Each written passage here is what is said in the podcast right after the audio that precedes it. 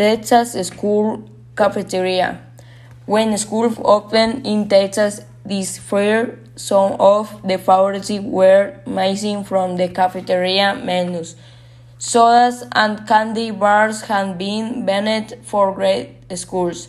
Chips and cookies were missing and the all-time favorite, the French fry, was giving us one more before its two would be banned. Half of promise protests could be heard everywhere, and students were, were the only one on the staff, along with the principal complaint about being forced to act as nutrition police.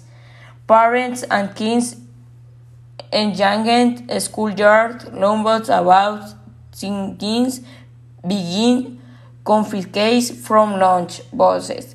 Nearly everyone addicted to the remorse that vending machines bring in their lead that there would be enough money for activities like band camp and your trips. Angry emotions poured into the my boat of Susan Combs who had imposed, imposed the new rules.